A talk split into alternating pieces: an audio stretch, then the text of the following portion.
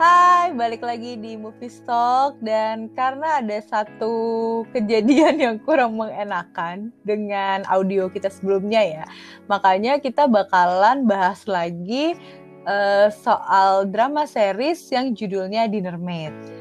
Nah, um, movie stock ini basically benar-benar pure opini dari uh, gue dan Krisna. Jadi apa yang kita omongkan di sini sebenarnya adalah uh, our opini sih, personal opinion gitu. Jadi silahkan kalau teman-teman mau dengerin sampai habis, kalau nggak mau dengerin juga nggak apa-apa. Dan tentunya podcast ini sangat amat mengandung spoiler karena kita akan membahas uh, alur dan scene-scene menarik yang telah tayang di drama series ini.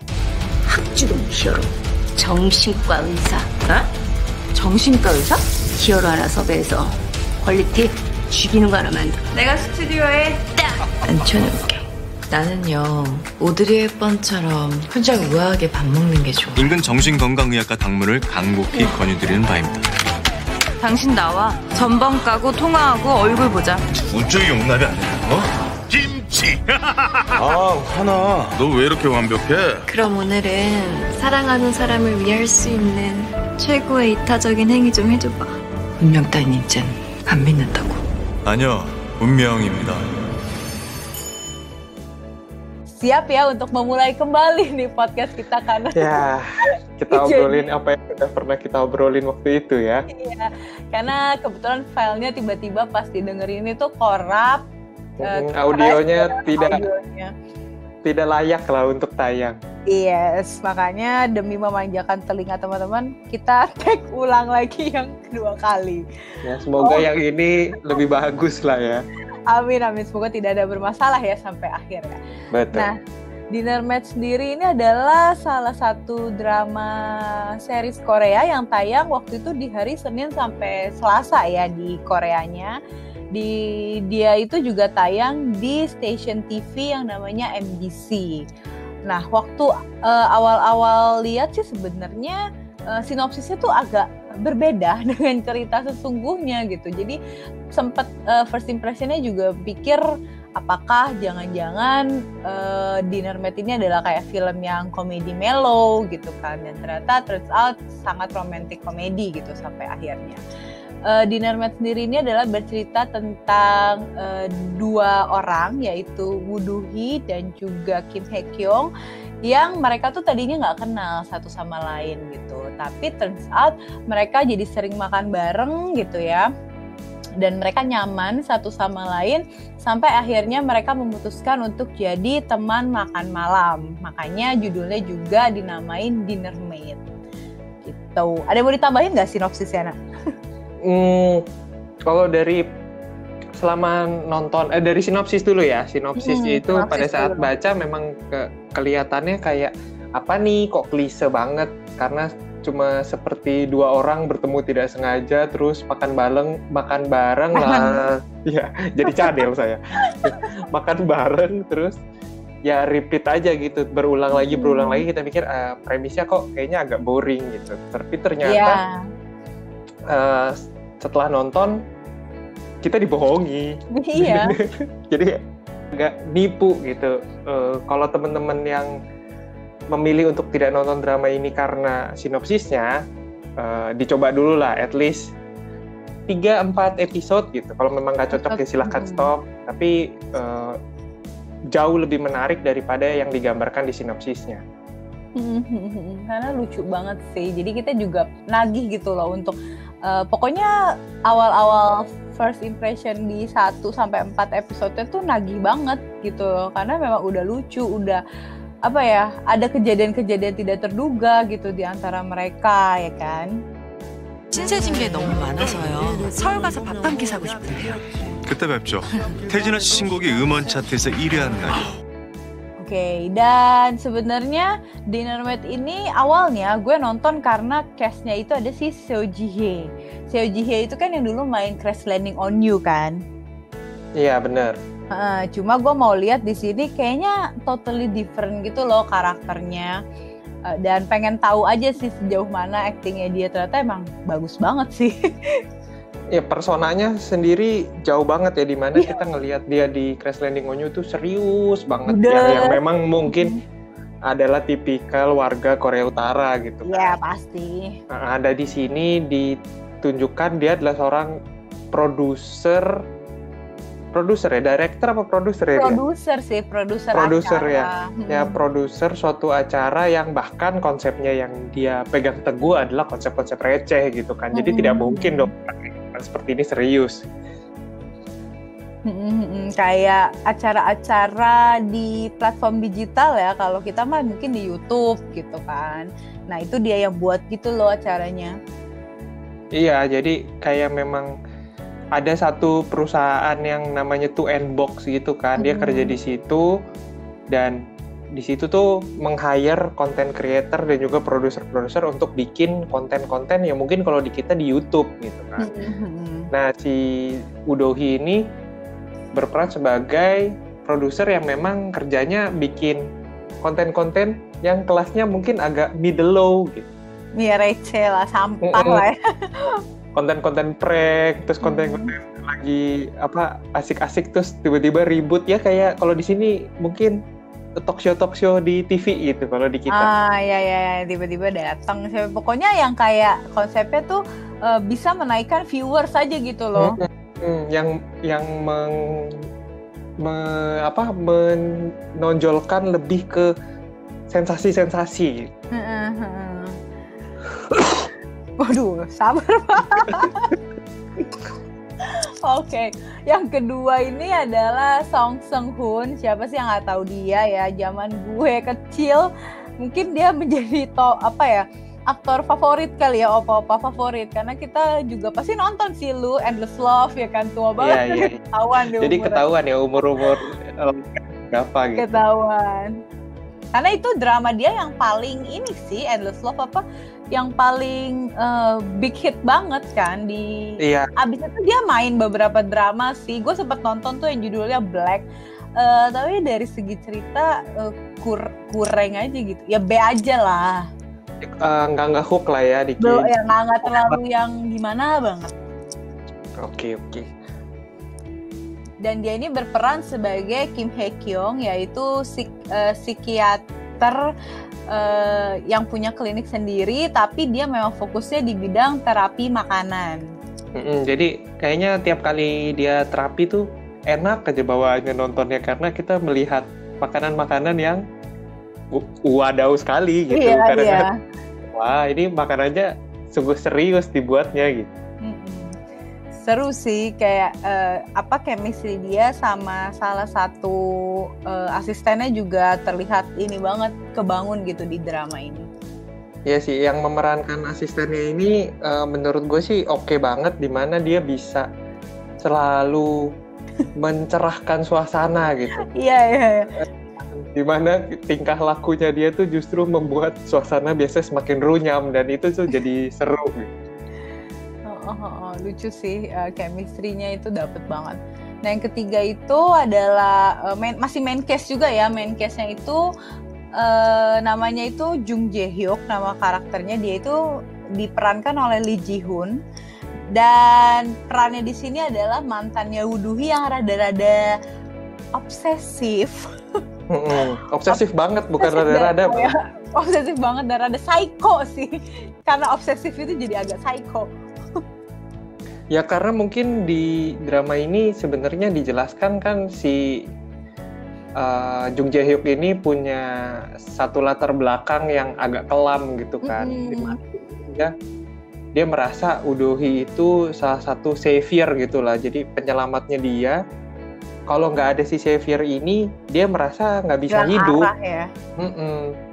Akhirnya jadi obsesif, jadi menghalalkan segala cara untuk bisa dapetin Wudohi padahal dia udah pernah nyakitin gitu. Uh, ilus jadi ilusi semata sih. Ya, ya halu aja halu ya, orang halu halu bahasa halu ilusi. Ada ini ya apa uh, pesulap ilusi. yang keempat itu ada siapa yang nggak tahu pasti Sona Eun dari acting. Dan gue baru nonton dia acting sebenarnya jujur di sini sih. Gue nggak tahu dia udah pernah main drama belum sih sebelumnya? Udah ya? Setahu gue udah tapi memang drama itu pada saat itu gue nggak nonton jadi gue tidak tahu judulnya. Oh, Oke, karena gue jujur sih baru nonton dan lihat acting dia tuh ya di sini gitu. Sisanya kan biasanya di uh, variety ya kebanyakan. Si Sonaan ini berperan sebagai Jinoel. Jinoel itu adalah selebgram, influencer yoga ya, bisa dibilang kayak healthy lifestyle influencer. Uh, di ini sih di ya di Seoul itu gitu. Jadi dia cukup uh, sangat terkenal sih di bidangnya. Semua orang tahu, semua orang adore dia, semua orang tuh mengidolakan dia gitu. Iya dan dia sebenarnya punya ini kan punya usaha bisnis gym juga kan. Jadi nggak hmm. cuma nggak cuma melakukan yoga dan juga apa healthy fitness gitu di di media sosial dia juga memang punya gym sendiri yang memang menurut gue cukup besar dan orang-orang datang karena terpengaruh video dia kayaknya. Iya, lumayan kok gymnya bukan kayak gym-gym yang ecek-ecek gitu loh. Iya, gymnya cukup oke. Okay. Dan terbantu banget ya uh, ininya apa advertisingnya dengan oh, iya, si pasti dong. Dinoul ini pasti video dia olahraga.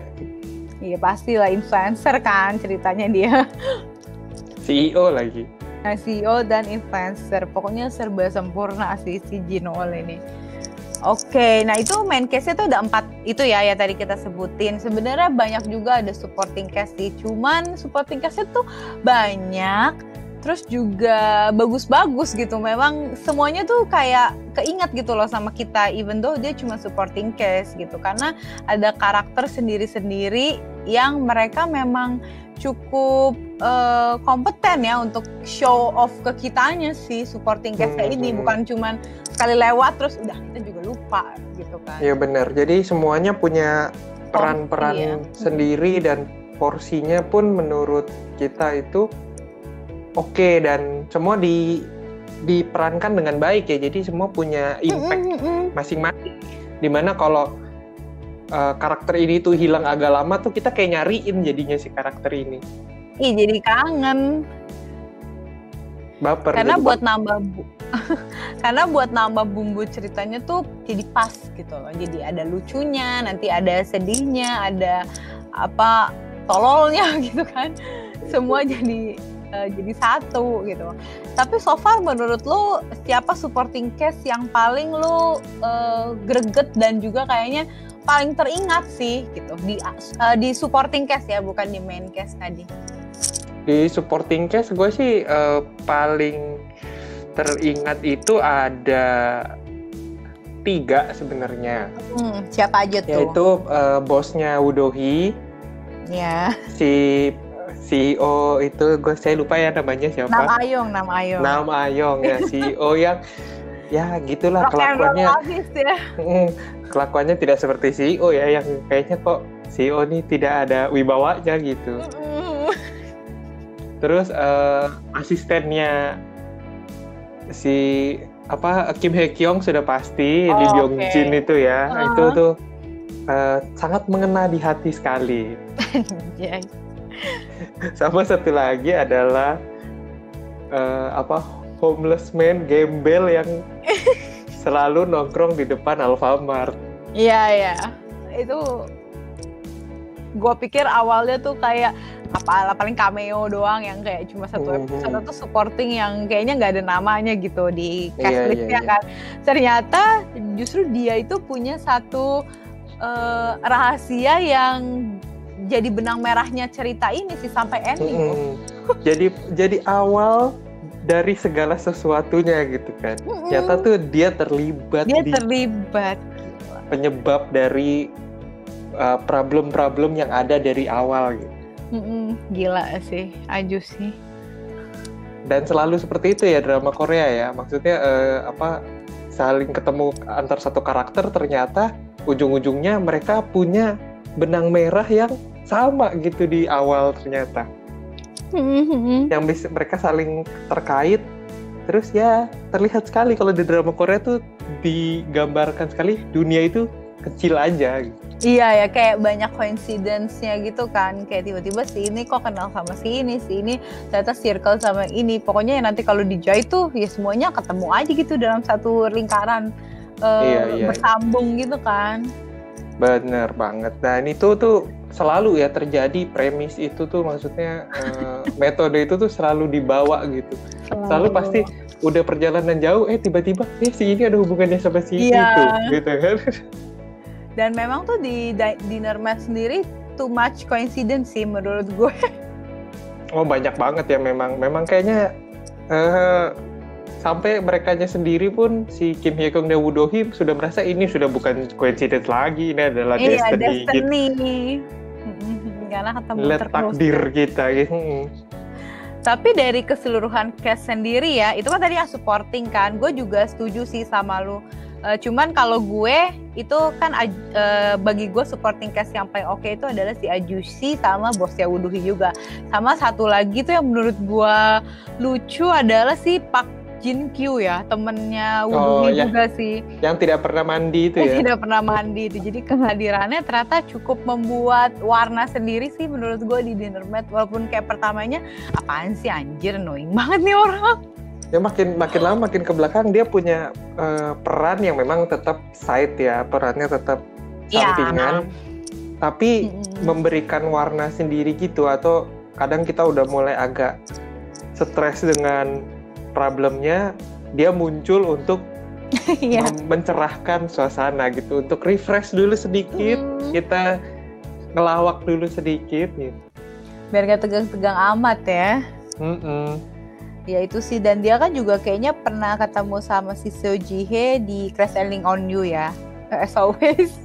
Iya dan dia dia sebenarnya ketemu sama dia ketemu gak sih sama Seo Ji Hye di Crash Landing on You? Kan dia asistennya dari Yun Seri uh, Yun Seri yang diperankan oleh Song Ye Jin mm -hmm. dan dia kan nggak pernah juga ke Korea Utara. Mm -hmm ya kan? Si ini si pemeran Pak Jin Kyu ini pada saat di Crash Landing on You. Jadi hmm. gue nggak merasa mereka pernah ketemu sih. Oh tapi ya maksud gue di luar syuting sih di oh, luar iya iya iya. gitu. itu itu sudah bukan udah bukan ini lagi lah ya. Maksudnya kan satu set yang sama ya familiar aja gitu kalau di apa kalau di ceritanya sendiri memang tidak pernah ada scene berdua kan komunikasi hmm, hmm, hmm. gitu.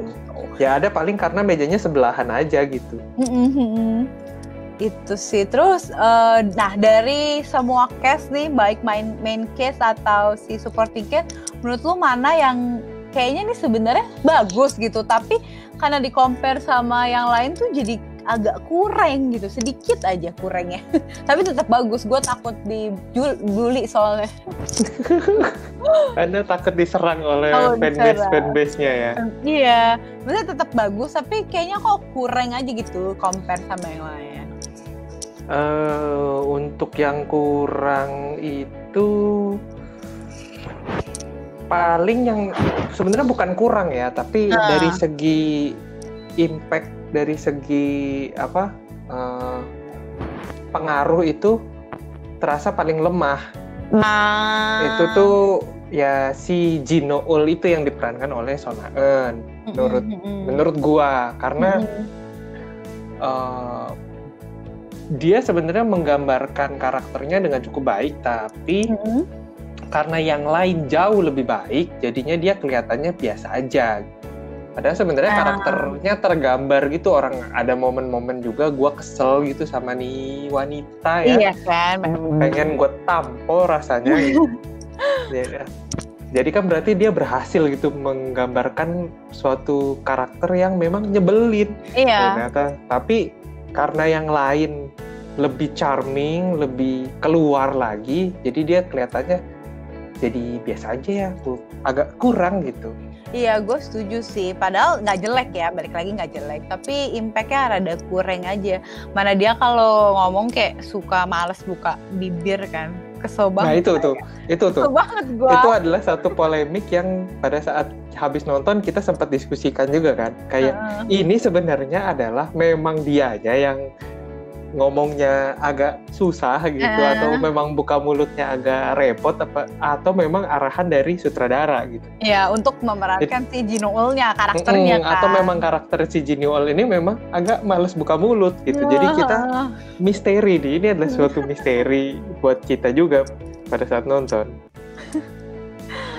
Tapi ya tetap oke okay lah ya akhirnya dia sampai ending juga ya lumayan lah balik lagi nih ke cerita. Dari tadi kan kita ngomongin case ya. Secara alur cerita nih sebenarnya kan panjang banget. Dia itu kan ada 32 episode atau 16 episode sih ya. Karena kan satu episode kayak dibagi dua tuh 30 menit 30 menit gitu. Jadi basically juga 16-an lah, 16 episode. Nah, dari hmm. keseluruhan episode uh, scene apa yang memekas di ingatan lu nih? Scene-scene menarik apa? Atau bahkan uh, bukan scene yang menarik, tapi scene-scene yang rada janggal gitu. Kayak kok ada hole ya di sini? Hmm, scene-scene menarik dulu kali ya. Scene ya, ya, menarik. menarik. Sudah pasti adalah banyaknya scene mereka makan bersamaan judulnya aja dinner mate gitu. Pasti dong. hmm, jadi scene-scene mereka makan itu adalah suatu momen yang gue pribadi tunggu-tunggu di drama ini karena setiap kali mereka makan bareng atau ada sesi makan di drama ini mm-hmm. itu selalu selalu terjadi sesuatu antara mm-hmm. antara mabok terus akhirnya uh, ada peristiwa yang terjadi gitu yang mungkin mm-hmm. kadang terbilang cici kadang terbilang aneh kadang malah jadi mm-hmm. apa biang kerusuhan gitu Terus yes, ada yes. juga momen-momen di mana mereka makan terus jadi kayak bocor gitu mulutnya, jadi kayak uh, apa ya keluar gitu semua isi hatinya dan itu yang membuat gue nunggu-nunggu karena kayak setiap kali prosesi makan ini terjadi mm -hmm. itu tuh kayak kita jadi dapat insight baru gitu oh jadi yang ada di dalam pikirnya si karakter itu ini terus atau oh hmm. kelakuannya dia kalau lagi mabok atau kalau lagi kesel tuh kayak gini hmm. itu tuh hmm. biasanya munculnya lebih banyak pada saat momen makan hmm. terus terus nah, uh, daripada kita buter-buter ke hall nih jadi biar semuanya apa uh, momen-momen menarik dulu lu dulu lah Oh momen menarik lu udah segitu doang? Udah itu. Oh, Maksudnya okay. kan momen makan kan banyak ya. Uh-huh. Jadi uh, makan momen makan ini bukan hanya yang di restoran ya. Maksud gue momen makan juga ada yang pada saat di misalkan di depan Alfamart itu yeah, ada tuh yeah. momen yang kayak cuma minum kopi bareng mm-hmm. gitu kan. Hmm. Momen-momen seperti itu tuh yang pada saat mereka lagi duduk bareng, either makan, minum atau snack lah gitu nyenek. Nah itu tuh selalu ada obrolan-obrolan yang cuma ada di saat itu gitu hmm. deep deep conversation nih hmm. nah itu yang menurut gue sih jadi sesi-sesi yang menarik karena kan cukup banyak terjadi Hmm, iya sih, bener-bener. Kalau gue ya, scene menarik yang pertama tuh scene favorit gue adalah ketika semua scene yang berbau dengan Keanu Ajusi. Receh banget ya gue karena tuh kayak lucu terus juga ada misterinya kan. Jadi bikin gue penasaran bahwa ini tuh orang siapa sebenarnya gitu loh sosok orang ini. Kenapa dia bisa tiba-tiba tidur di depan Alfamart kalau di Indonesia kan? Terus dia itu kenapa tiba-tiba dicopot gitu license-nya as a psikiater gitu. Jadi banyak misteri uh, aja dalam diri dia yang gue pengen ngulik lebih lanjut gitu sih.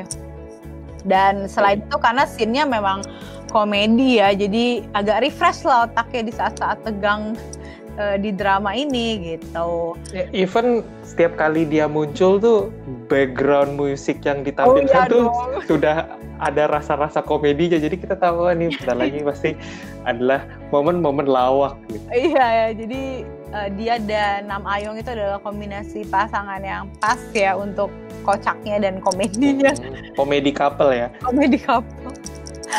Oke, yang kedua itu uh, adalah ini sih scene-scene di mana kalau mereka tuh lagi di kantor, terus mereka kayak produce video gitu loh, dan itu tuh menurut gue cukup uh, menarik ya karena kayak oh kayak gini loh syuting terus ternyata tuh uh, lucu juga ya tipe-tipe kantornya tuh kayak kantor kreatif konten kreator gitu lah yeah, yeah. dan itu tuh uh, menarik aja. Gue suka sih kayak settingan yang berbau kantor yang berbau kreatif kayak gitu. Lucu lucu banget uh, ininya ya apa uh, cara pemilihan warna cara tata letaknya terus bahkan desainnya pun menunjukkan kalau ini adalah kantor sok kreator banget gitu, ya, kreatif company banget, banget. gitu. Iya ya kelihatan banget sih dari baju-baju yang dipakai juga kan kayaknya casual gitu. Jadi -hmm. emang hmm. menggambarkan yang kayak gitu-gitunya. Oke. Okay. Udah?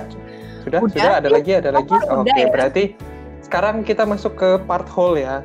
Kalau dari yeah. gua, hallnya itu sebenarnya ada beberapa ya. Jadi uh, coba kita breakdown. Oh banyak nih kayaknya Anda. Uh, dibilang banyak juga enggak, cuma memang ada beberapa. Uh, lebih dari satu lah. Mungkin okay, dua okay. gitu. Oke, okay, apa tuh? Uh, yang pertama itu adalah scene di mana uh, ada, gue nggak tahu sih ini scene itu sebenarnya adalah product placement yang memang harus muncul karena kan uh, sempat dibilang tuh kita dapat sponsor gitu dan mereka sempat pergi untuk melakukan paintball bareng. Nah, which is ya, gue bingung nih, ini paintball ini adalah bagian dari sponsor mereka untuk suatu acara di drama ini, atau memang mereka pergi karena untuk anggapannya gathering bareng gitulah, tim gathering. Itu tuh yang tidak terjelaskan sampai akhir ke gue karena mereka rame-rame main paintball tapi habis itu juga kumpul-kumpul yang nginep gitu kan. Cuma hmm. gue merasa buat kenapa harus ada gitu scene main paintball gini padahal kan sebenarnya kalau nongkrong-nongkrong ngobrol-ngobrol atau melakukan aktivitas biasa aja hmm. juga bisa gitu kenapa harus memilih paintball gitu itu loh hmm. itu jadi gue merasa apakah ini adalah bagian dari sponsor hmm. yang memang harus ada dan gue merasa gue nggak nggak terjelaskan di scene itu jadi gue merasa scene ini nih unrelated gitu jadi kayak nggak nyambung sama dramanya gitu hmm, oke okay. Gitu. Hmm, terus satu lagi adalah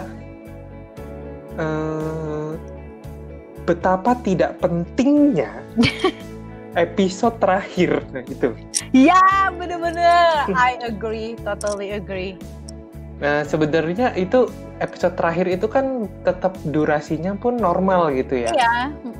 Nah, uh, kurang lebih sekitar 30 menitan gitu. Iya, segitulah. Mm Uh, kenapa tidak lu habiskan di episode yang sebelumnya kalau memang lu cuma mau bikin episode terakhir tuh kayak gitu? Hmm, Karena menurut gue episode episodenya sudah berakhir di episode di episode 31 ya berarti ya. Yes, yes, ya 15. Hmm. Oh, benar. Hmm, di, sudah sudah habis di episode 31 harusnya. Hmm. Karena semua sudah terjawab dan episode ke-32 ini hanya seperti closure aja gitu, hanya seperti closing ceremony.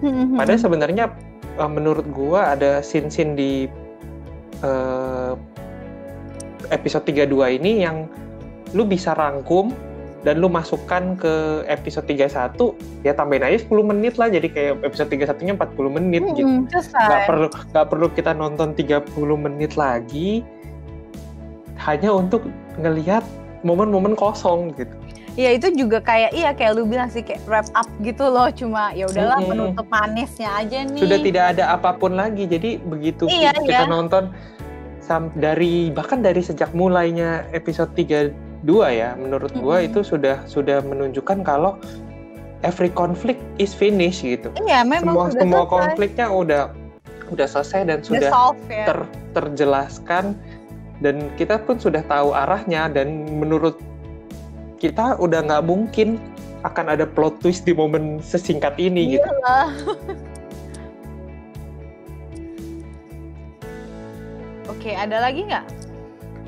It, paling itu sih yang major ya menurut gue sisanya ya kecil-kecil di sana sini yang sebenarnya nggak gitu masalah juga.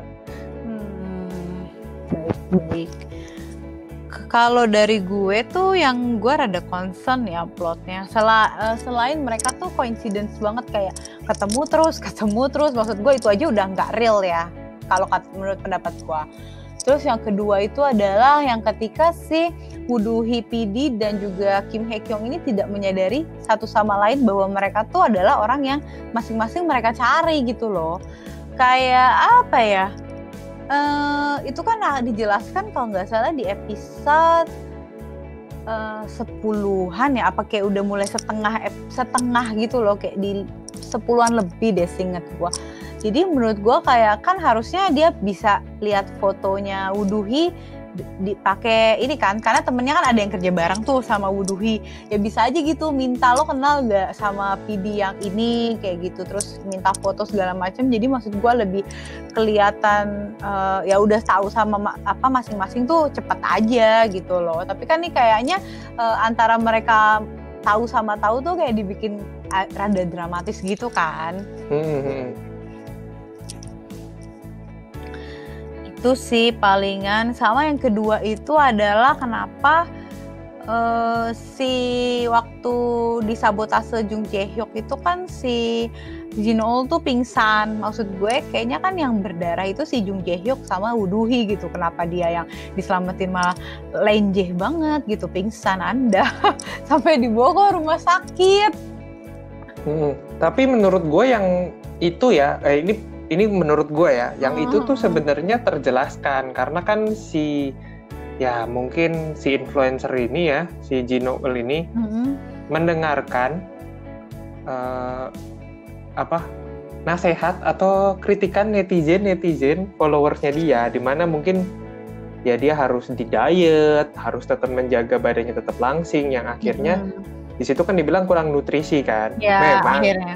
pada hmm. saat syuting tidak tergambarkan kurang nutrisi kelihatannya fine fine aja gitu uh. tetap semangat tetap itu aja tapi menurut gue sih hole yang di situ tuh dijawab oleh si dokternya di rumah sakit di mana dibilang hmm. uh, si Jinol nih kekurangan nutrisi nih malnutrisi jadi itu yang menyebabkan dia begitu jatuh tuh langsung kayak pingsan gitu loh hmm, lemah banget jadi, gitu ya hmm, jadi memang memang dalam kondisi yang mungkin badannya tuh lemah jadi begitu shock kena guncangan atau kena hentakan pada saat jatuh itu ya gitu langsung terkapar. Lulai.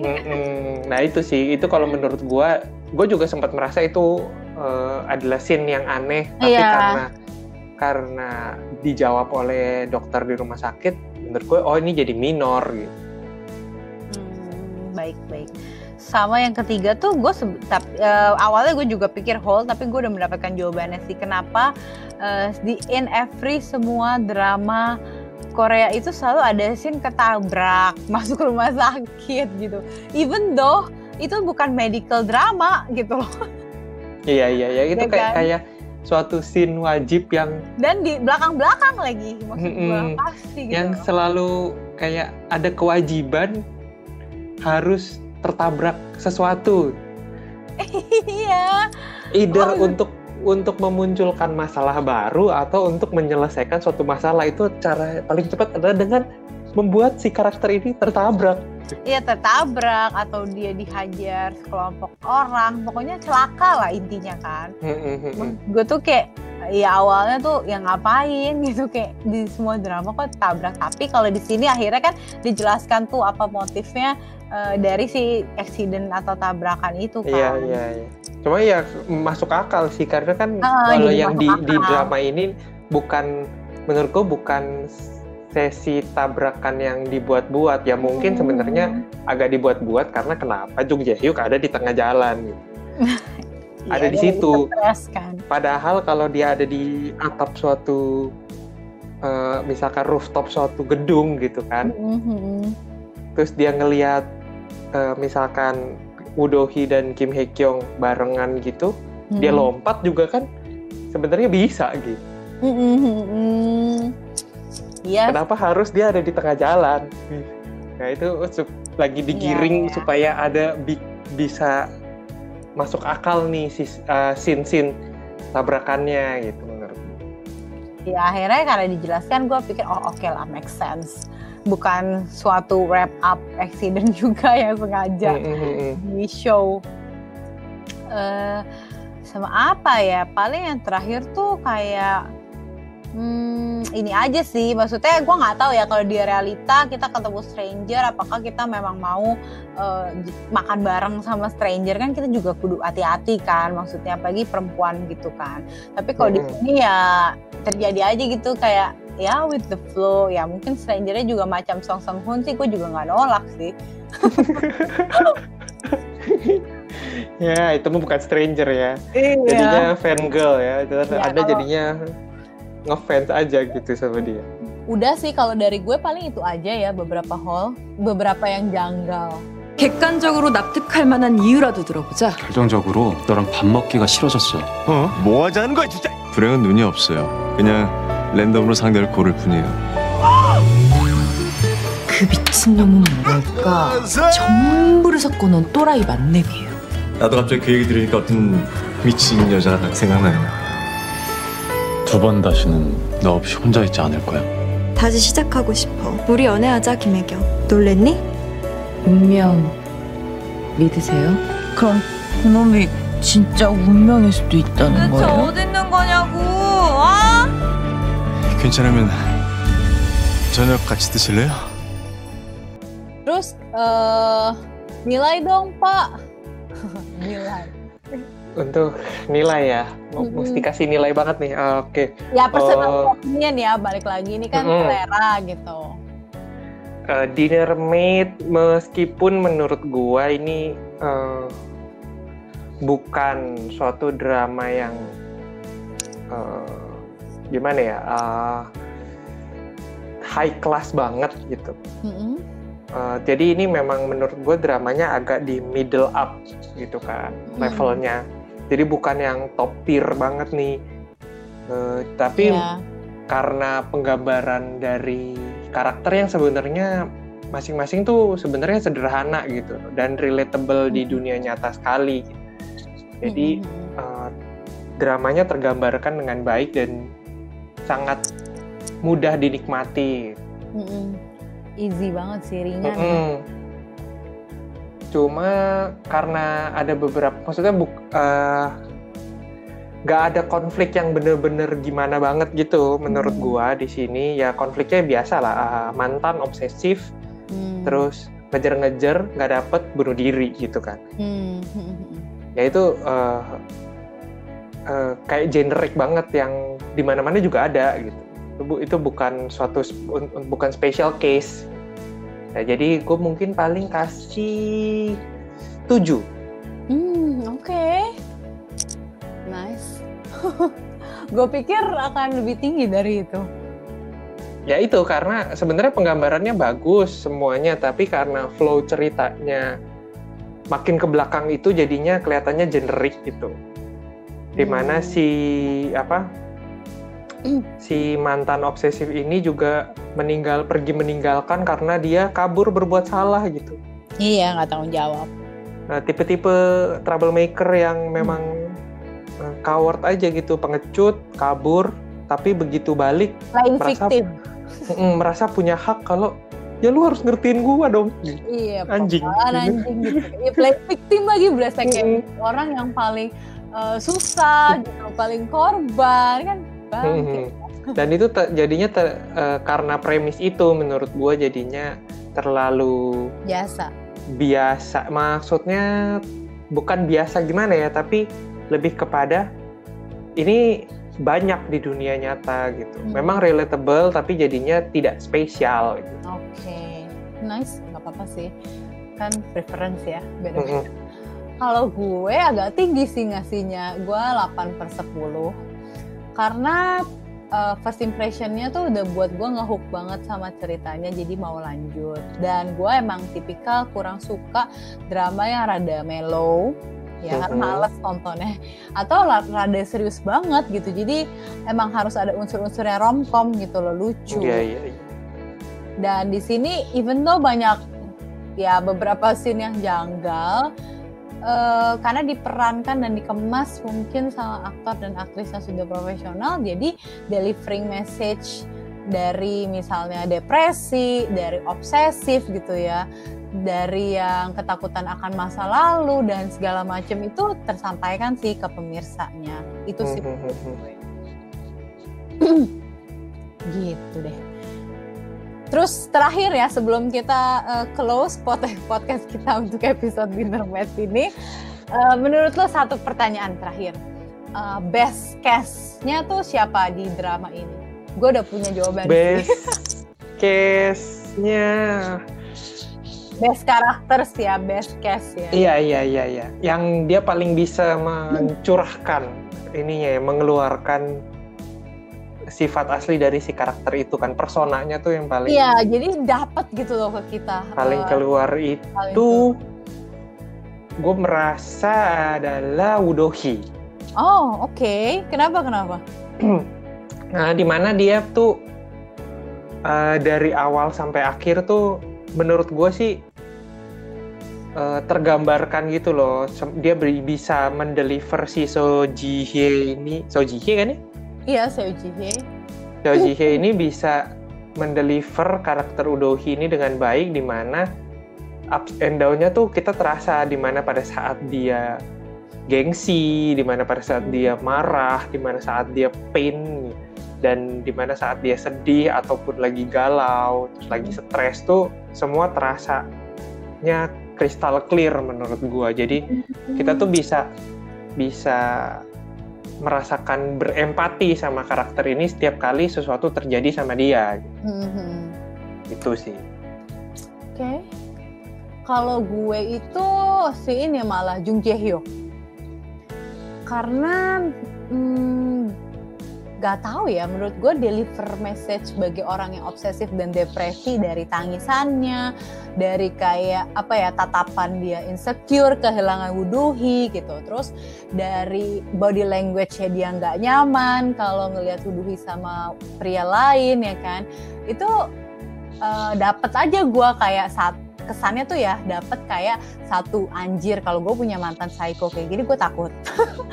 Kedua nih orang gila sih. Maksudnya depresinya tuh sampai udah ke su tulang sumsum -sum kali ya kayak apa ya sedih banget. Padahal kan maksud gue cuman ya udah sih kehilangan uh, cewek doang tuh itu juga salah lu jir gitu. Tinggal move on aja. Tapi kan ada apa ya ada story behind itu kan. Kenapa iya, iya. seperti itu? Itu sih. Oke. okay. Oke, akhirnya selesai juga podcast kedua ya, tag kedua kita. Ya, tag two. Tag two. Aduh, semoga uh, sekarang nggak kenapa-napa, terus kita bisa tinggal edit, lalu langsung publishing biar cepat didengar ya, karena uh, ini sebenarnya juga udah agak lama habis kan dramanya, jadi kita nggak kehilangan hype. Oke, okay, thank you teman-teman yang udah dengerin uh, Movie Stock Podcast di episode kali ini dan see you on the next episode. Bye bye. Bye bye.